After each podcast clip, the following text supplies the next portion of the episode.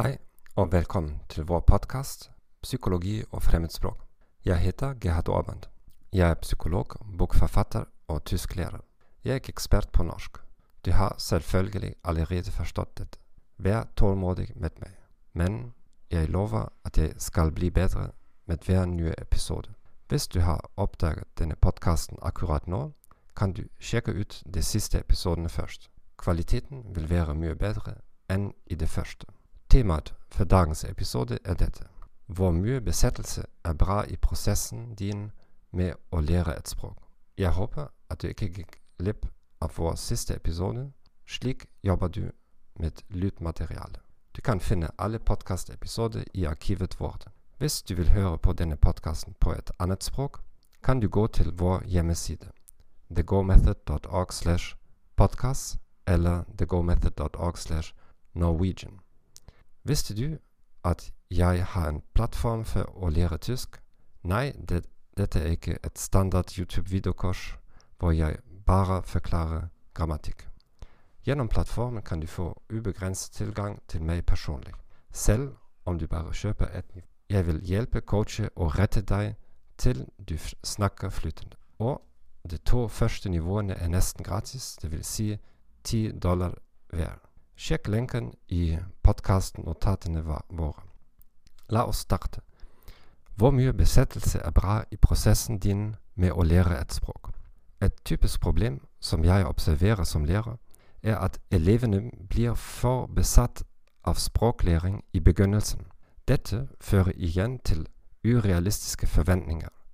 Så snart de innser at de fortsatt gjør de samme feilene, svinger det til det motsatte. De blir ekstremt skuffede og frustrerte, og de gjør nesten ingenting hjemme.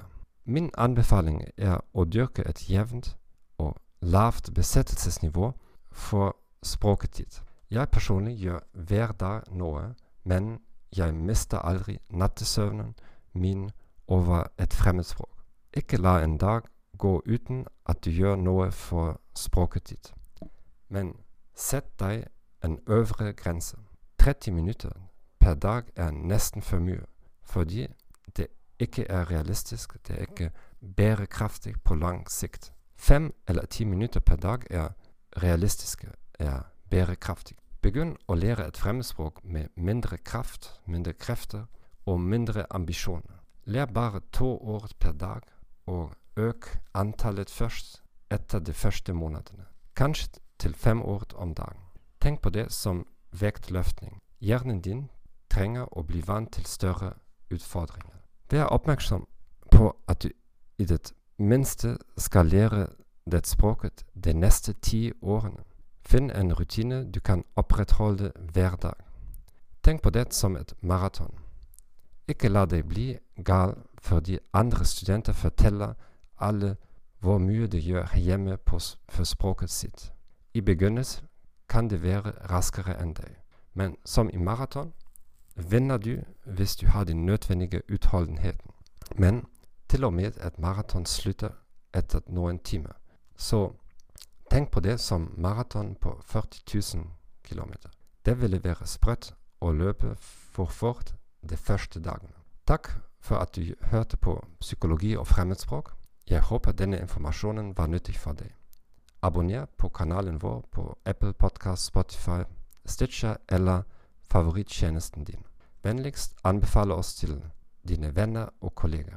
Som jeg lovet før, vil språkdelen mitt norsk bli bedre med de neste ukene.